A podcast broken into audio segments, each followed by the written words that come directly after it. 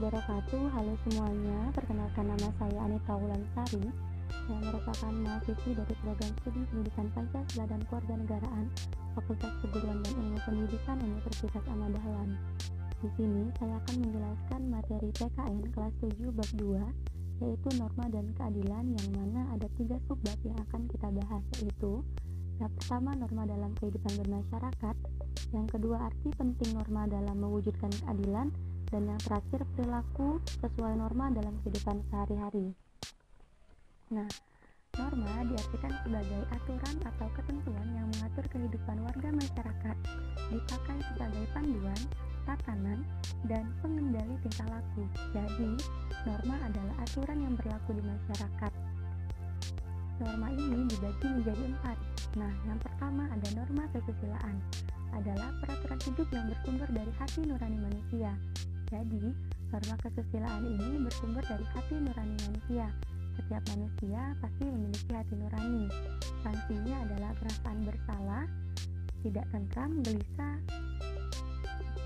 dan contohnya adalah jujur, tidak menyakiti orang lain, atau tidak mencontek. Nah, yang kedua ada norma kesopanan. Norma kesopanan adalah norma yang berhubungan dengan pergaulan manusia dalam kehidupan sehari-hari yang bersumber dari tatanan kehidupan atau budaya e, berupa kebiasaan-kebiasaan masyarakat. Contohnya, ramah terhadap tetangga, menghormati orang yang lebih tua, dan berpakaian sopan dan rapi. Sanksinya adalah dikucilkan, dihina, dan ditegur oleh masyarakat. Yang ketiga ada norma agama. Norma agama adalah sekumpulan kaidah atau peraturan hidup manusia yang bersumber dari wahyu Tuhan. Contohnya, beribadah dengan baik, mengajak kebaikan, dan mencegah terjadinya perbuatan keji.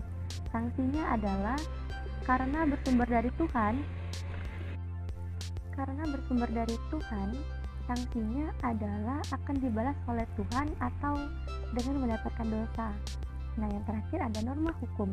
Norma hukum adalah peraturan mengenai tingkah laku manusia dalam pergaulan masyarakat dan dibuat oleh badan-badan resmi negara yang bersifat memaksa sehingga perintah dan larangan dalam norma hukum harus ditaati oleh masyarakat. Contohnya, menaati peraturan lalu lintas dan taat membayar pajak.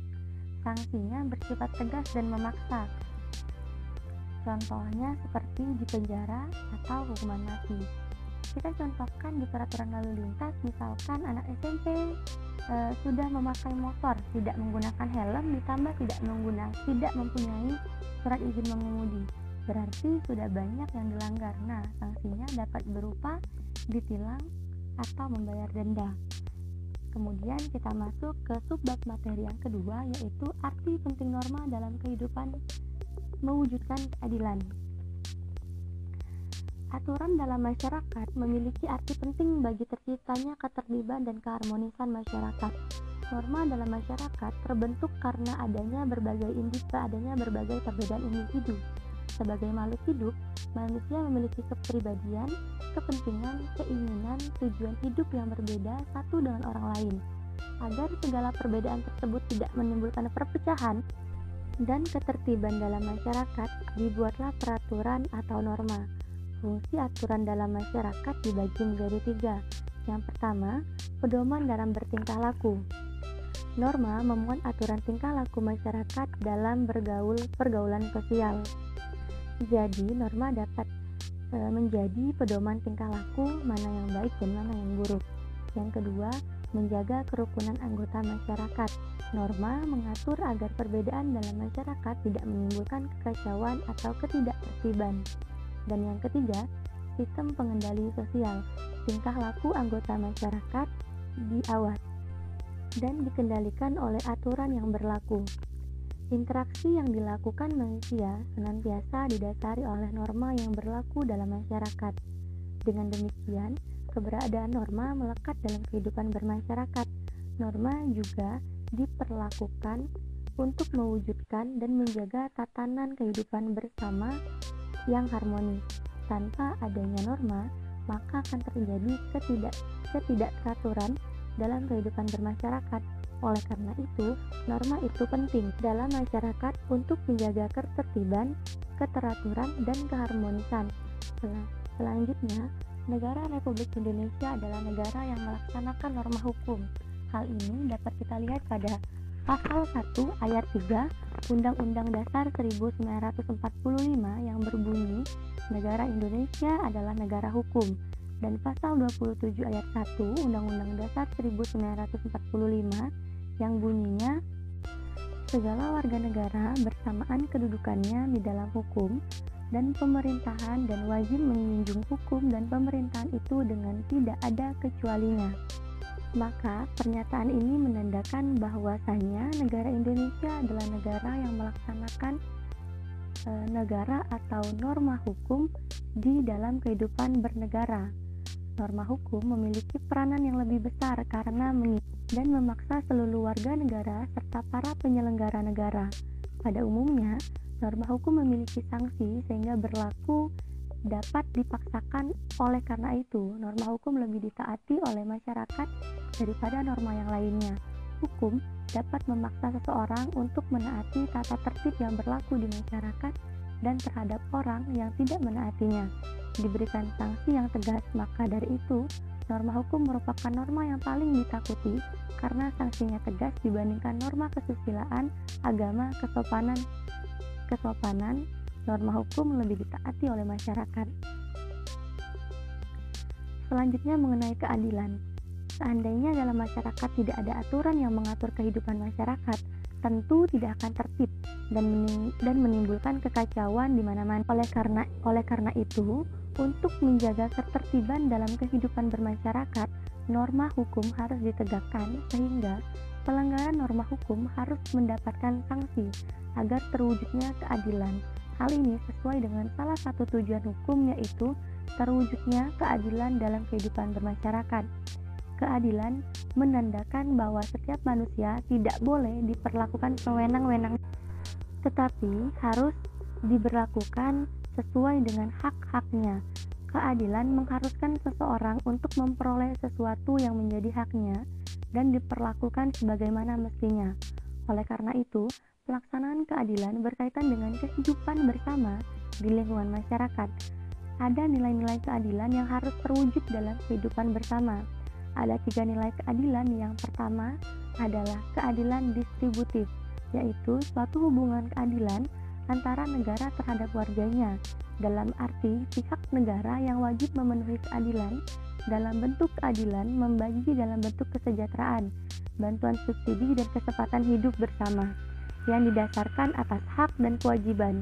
Pada intinya, keadilan distributif ini merupakan keadilan yang dilakukan oleh negara atau pemerintah. Contohnya, warga negara warga negara Indonesia itu ada yang mampu ada yang kurang mampu, dan maka negara atau pemerintah wajib adil kepada warga negara yang kurang cukup dengan cara memberikan bantuan subsidi dan lain sebagainya. Itulah yang dinamakan dengan dis keadilan distributif. Nah, yang kedua adalah keadilan legal, yaitu hubungan keadilan antara warga negara terhadap negara dan pihak negara dan pihak warga negara wajib memenuhi keadilan dalam bentuk menaati peraturan perundang-undangan yang berlaku. Ini uh, adalah kebalikan dari uh, keadilan distributif. Kalau tadi yang melakukan keadilan adalah negaranya atau pemerintah, nah kalau uh, keadilan legal ini yang melakukan perbuatan keadilan adalah warga negaranya. Nah, nah bagaimana cara masyarakat bisa adil terhadap negara atau pemerintah. Caranya dengan menaati peraturan perundang-undangan e, dengan setiap warga melakukan e, dan terhadap aturan, maka taat terhadap aturan, maka artinya warga sudah melakukan keadilan terhadap pemerintah. Di sisi lain, pemerintah memberikan keadilan kepada warga negara. Akan tetapi, warga negara juga harus memberikan keadilan kepada negara. Nah, yang ketiga dan yang terakhir adalah keadilan komunitatif yaitu suatu hubungan keadilan antara warga yang satu dengan warga yang lain secara timbal balik. Nah, eh, keadilan normatif eh, dilakukan antar warga. Ini beda ketiga keadilan yang sudah dijelaskan sebelumnya. Selanjutnya, hukuman norma hukum wajib dipatuhi dalam setiap aspek siapa yang melanggar suatu aturan hukum akan dikenakan sanksi pengenaan hukum dapat dibedakan dari segi berat ringannya seperti teguran atau peringatan eh, pengurangan hak seperti benda pembatasan kebebasan atau penjara denda dan sanksi yang menyakiti fisik juga bisa di, di juga bisa macam-macam hukuman dari norma hukum. Mengapa orang itu kalau bersalah harus dijatuhi hukuman? Penjatuhan hukuman bagi pelanggar norma hukum dapat dipandang sebagai bagian dari proses koreksi dan permasyarakatan sehingga orang yang dihukum menjadi orang baik lagi sebelum kembali ke tengah kehidupan ke tengah kehidupan masyarakat. Jadi dengan adanya norma hukum, dengan adanya hukuman atau sanksi dan norma hukum, eh, orang ini punya pembenaran, yaitu yang pertama sebagai pembalasan atas kesalahan yang dilakukan, kemudian juga sebagai penjedaan, baik yang bersifat untuk umum ataupun untuk berlaku jika nanti ada hukuman maka bisa saja tidak ada cedera sehingga nanti bisa diulang lagi kejahatan yang dilakukan berikutnya. Re, berikutnya rehabilitasi, kemudian menyebabkan tidak ada lagi melakukan kesalahan. Selanjutnya mengisolasi pelaku untuk mencegah melakukan lagi kesalahan yang membahayakan orang lain. Mengapa perlu dijatuhi hukuman bagi pelanggar norma hukum? Jadi tentu itu sebabnya norma hukum memiliki sifat yang mengatur dan memaksa dengan tujuan untuk menciptakan keadilan dalam kehidupan bermasyarakat, berbangsa, dan bernegara. Keadilan diwujudkan dengan terlindunginya hak-hak warga negara dan adanya hukuman yang tegas dan nyata terhadap anggota masyarakat yang melanggar norma hukum demi tegaknya keadilan anggota masyarakat yang melanggar norma hukum harus dihukum karena perbuatan yang dilakukan telah merugikan dan merampas hak-hak anggota masyarakat lainnya. Pemberian hukuman bagi anggota masyarakat yang melanggar hukum sudah ada tugasnya dilakukan oleh lembaga peradilan sehingga masyarakat tidak boleh melakukan tindakan tindak e, main hakim sendiri dengan main hakim sendiri maka itu termasuk juga perbuatan melanggar norma hukum sehingga yang perlu kita pahami sudah ada lembaga negara yang mengatur tentang pemberian sanksi hukuman. Sehingga kita sebagai warga negara tidak perlu main hakim sendiri karena dengan main hakim sendiri misalnya ada pencuri tertangkap. Nah tidak perlu kita hakimi. Serahkan saja kepada yang berwajib. Karena kalau dengan pihak ini eh, maka itu juga merupakan sebuah pelanggaran norma hukum berarti sama-sama melanggar tidak ada bedanya antara pencuri dengan pelaku, dengan masyarakat. Manusia sebagai makhluk sosial hidup dan berada di tengah-tengah masyarakat, sekaligus menjadi warga dan anggota masyarakat yang bersangkutan sudah merupakan kezaliman bahwa dalam suatu masyarakat ada norma dan aturan yang berlaku dan aturan tersebut wajib ditaati oleh semua anggota masyarakat Ketaatan adalah sikap patuh pada aturan yang berlaku. Kepatuhan harus muncul dari dorongan tanggung jawab sebagai warga negara yang baik, bukan disebabkan oleh adanya sanksi atau hadirnya aparat negara.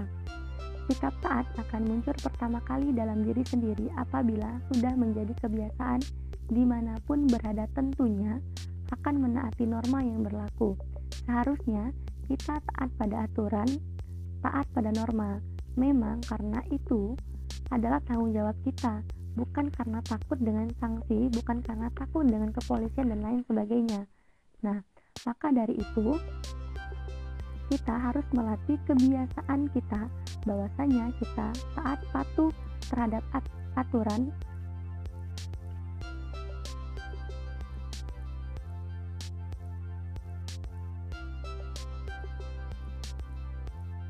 Betul.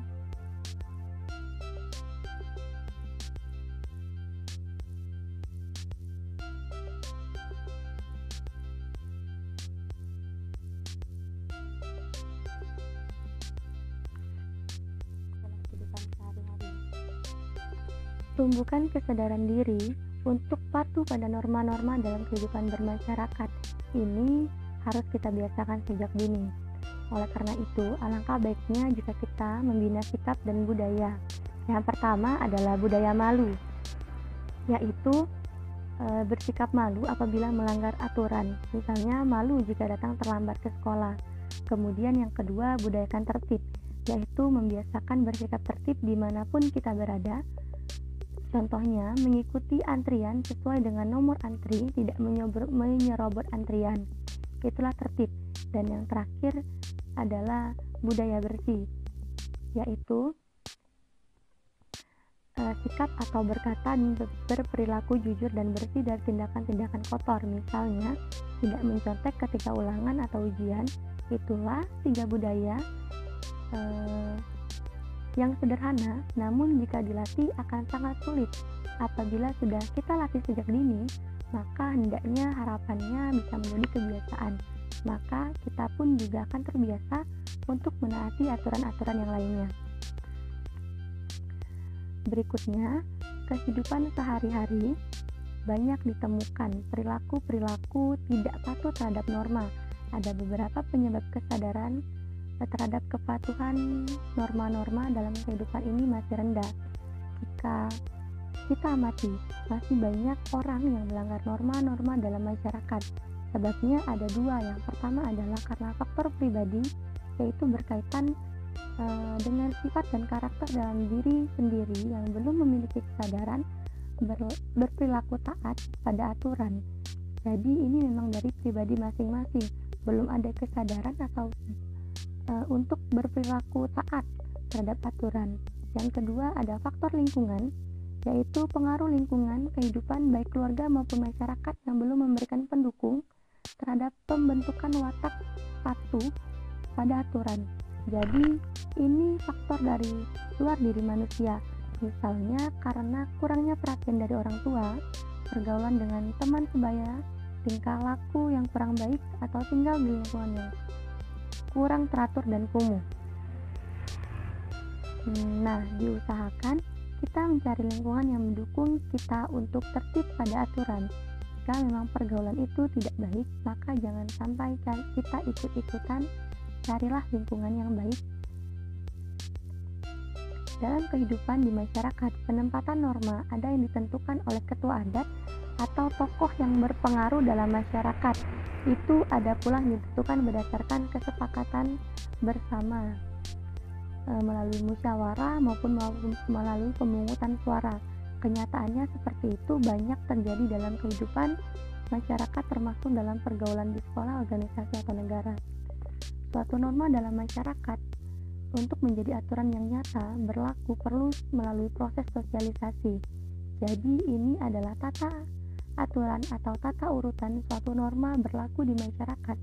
Pertama, aturan harus diketahui oleh anggota masyarakat melalui pemberitahuan di media semasa penyuluhan atau penyebaran informasi melalui selanjut, informasi selanjutnya peraturan akan dilakukan oleh anggota masyarakat. Artinya, masyarakat akan merasa memiliki aturan tersebut dan terikat oleh aturan. Tahap berikutnya, aturan akan dihargai oleh masyarakat Eh, ketika suatu aturan akan dihargai apabila masyarakat memahami tentang tujuan dan manfaat norma itu. Nah, selanjutnya kita akan masuk ke sebab yang terakhir yaitu perilaku sesuai norma dalam kehidupan sehari-hari.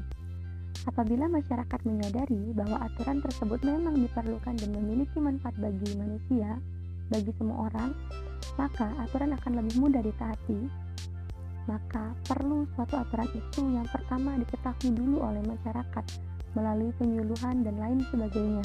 Jika ini tidak dilaksanakan, maka masyarakat pun juga tidak tahu apa pentingnya aturan tersebut sehingga kalau tidak tahu apa akibatnya aturan ini tidak akan ditaati namun kalau sudah di, e, diperlakukan diberikan sosialisasi pemahaman kepada masyarakat yang bersangkutan yang membuat aturan, maka masyarakat pun akan merasa memiliki aturan tersebut dan terikat oleh aturan itu dan dan terikat oleh aturan. Itulah proses menjadi aturan. Contohnya pada saat sekolah. Sekolah membuat aturan-aturan yang baru. Tentunya yang pertama akan diberitahukan dulu kepada semua peserta didik. Hal ini Hal itu dapat dilakukan oleh guru saat upacara bendera atau dipajang di papan informasi atau juga bisa melalui surat edaran. Setelah itu kita mengakui bahwa aturan tersebut mengikat seluruh peserta didik dan disepakati. Aturan tersebut apabila aturan yang dibuat memiliki tujuan dan manfaat yang besar bagi diri sendiri dan orang lain, kita akan menghargai aturan tersebut dan pada akhirnya kita akan menaati aturan itu dengan kesadaran tanpa paksaan orang lain. Nah, inilah proses bagaimana aturan yang berlaku ditaati oleh semua anggota masyarakat dengan kesadaran. Itulah contoh di Indonesia sederhana bahwasanya aturan itu perlu disosialisasikan terlebih dahulu sebelum menjadi sebuah aturan. Setelah itu diharapkan kita bisa membiasakan terbiasa membiasakan diri untuk menaati aturan di mana pun kita berada entah itu di lingkungan keluarga, masyarakat, sekolah maupun di lingkungan negara dan hidup di lingkungan negara. Nah, berikut merupakan penjelasan bab 2 tentang norma dan keadilan dari saya.